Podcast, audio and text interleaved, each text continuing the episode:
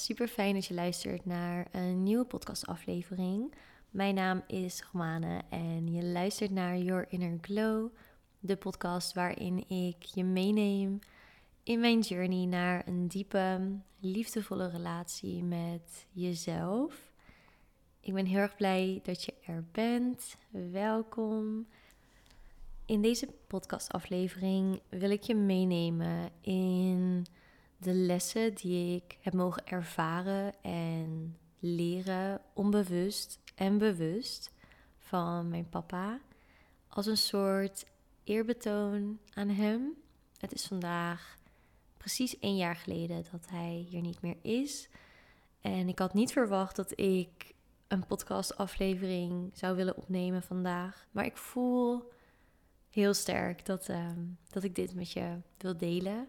Ik bereid eigenlijk nooit mijn afleveringen voor. Wel een thema, maar verder dan dat niet. Dus ook deze is uit de losse pols. Een van de eerste dingen die in mij opkwamen was dat mijn papa een hele, hele goede luisteraar was. En hij luisterde niet alleen, hij zag je ook echt. Hij luisterde niet om daarna zijn eigen verhaal te doen. Hij luisterde echt omdat hij oprecht geïnteresseerd was. Hij kon echt die ruimte voor je creëren, die safe space. En dat is een van de dingen die ik zelf heb mogen ervaren en voelen. Dat hij mij zonder oordeel kon zien en horen in mijn heelheid, in mijn licht en in mijn schaduw. En ik realiseerde me dat dit mij onbewust en nu bewust liet zien om en liet leren om mijzelf welkom te heten, om mezelf te zien en te horen. Waardoor ik weer de ander, de mensen om me heen, ook in alle openheid kan zien, kan horen en ontvangen. En dat is iets waar ik hem zo dankbaar voor ben. Ik voel dat onze missie hier en wat er echt toe doet, is jezelf leren zien en leren horen, accepteren, waarderen in dit leven. Het is altijd veel makkelijker om de ander te zien en voor de ander er te zijn en voor de anderen te zorgen en voor de ander te luisteren, te zien. Maar hoe krachtig is het als je jezelf ziet? Hoe krachtig is het als je die space voor jezelf kan maken? En dit is echt een leerproces, ook voor mij nog steeds. En ik denk voor altijd. Het is echt een leerproces om jezelf volledig lief te hebben. In, zoals ik al zei, in je lichte kanten, maar ook zeker je schaduwkanten. We hebben allemaal onze lichte en donkere kanten. En in mijn ogen gaat het erom dat je dit leert omarmen, dit leert accepteren. Ik kwam op het idee om dit als podcastaflevering op te nemen toen ik vanochtend in een koffietentje zat met een ijslatte. Ja, ook in de winter. toen ik dacht aan alle lessen en de dingen die ik heb mogen voelen, is aan de ene kant heel mooi. En aan de andere kant voel ik een soort, niet teleurstelling, maar verdriet. In a way dat hij dat niet altijd zo zag. Hetgeen wat ik aan hem en in hem bewonderd heb en nog steeds bewonder, zag hij niet zelf. En dat is natuurlijk heel vaak zo. En ik denk dat ik een soort van hoop diep van binnen dat hij deze podcastaflevering hoort. Ook al is hij hier niet meer, dat hij voelt en dat hij die bewondering echt voelt, ook voor zichzelf. En ik weet nog dat hij mij een invulboek gaf uh, die ik aan hem had gegeven. Met allemaal vragen over zichzelf, over zijn leven. En hij gaf dat vorig jaar aan me. Het emotioneerde me echt. En een van de vragen was: wat hoop je te hebben meegegeven aan je kinderen of je kind.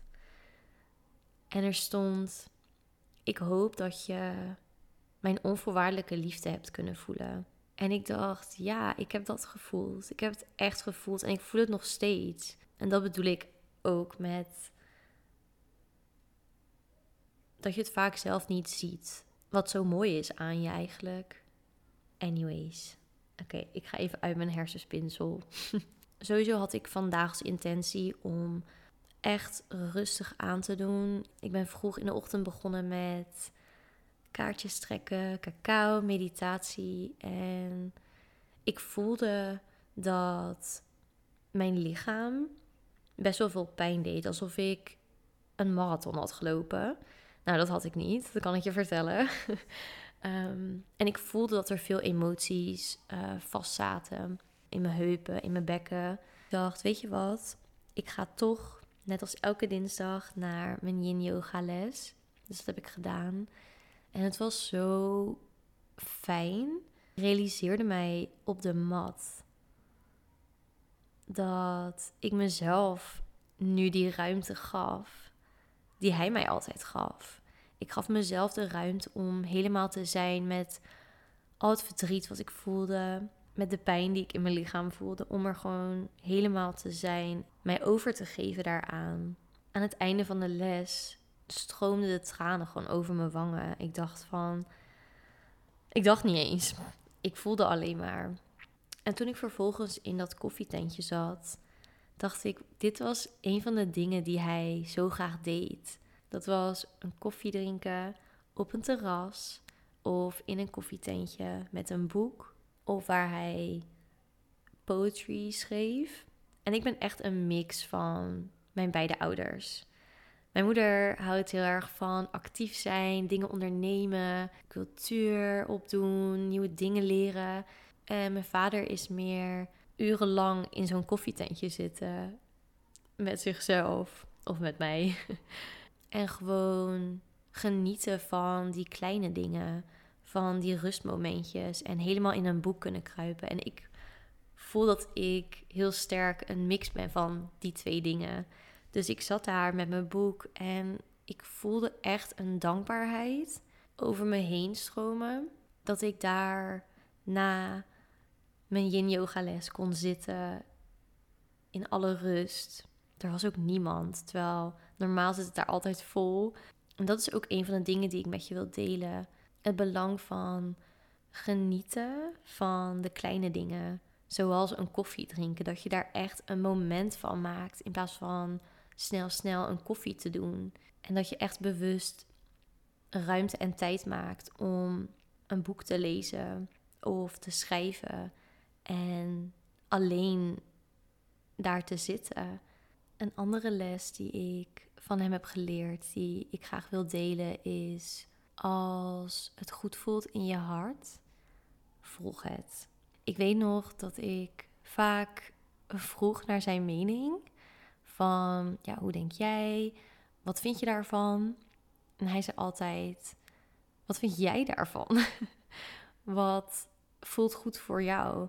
Als ik dan thuis kwam met mega veel enthousiasme over een bepaald ding, dan keek ik hem soms aan in afwachting van een soort goedkeuring vanuit hem. En hij zei altijd van ga ervoor, doe, doe wat goed voelt. Het geeft echt zo'n vrijheid. En het voelt voor mij heel warm. Ik vond laatst een kaart die hij mij had geschreven, een uh, verjaardagskaart. Ik heb hem hier voor me. Er staat: Ik voel me als vader gezegend en rijk. Ga zo door of verbeter en verander je pad als je daar beter door in het leven staat. Laat nooit los als je weet dat je een ander en jezelf kunt aanvullen en verrijken. Love you so much. ik vond het zo, oh, ik vond het zo mooi. En it's so true. It's so true. Dit is jouw pad. Dit is mijn pad. En hoe mooi is het als je oma of opa bent en terugkijkt op je leven en denkt: ja, ik heb mijn hart gevolgd. ik heb mijn pad op mijn manier bewandeld. En dat betekent niet dat ik altijd de juiste keuzes heb gemaakt. Alleen betekent wel dat ik dicht bij mezelf ben gebleven. En dat is ook weer een ontdekkingsreis en een leerproces. Soms denk je dat iets voor jou is en dan is het helemaal niet. Ik geloof diep dat als je keuzes maakt vanuit liefde, vanuit je hart, vanuit een liefdevolle intentie, dat het altijd de juiste keuze is.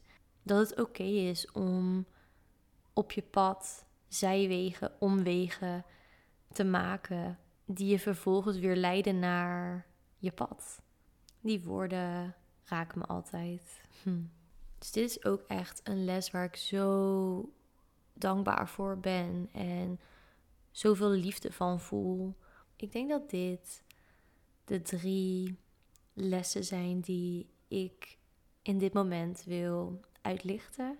Er zijn er nog veel meer natuurlijk. Alleen deze drie voelen zo krachtig en voelen echt dat ik die nu met je wil delen. Ik hoop dat je een aantal dingen uit deze lessen hebt kunnen halen. Dat een aantal dingen hebben geresoneerd voor je. Ik wil je bedanken voor het luisteren, voor deze safe space waarin ik mij veilig genoeg voel om mij open te stellen, om me kwetsbaar op te stellen.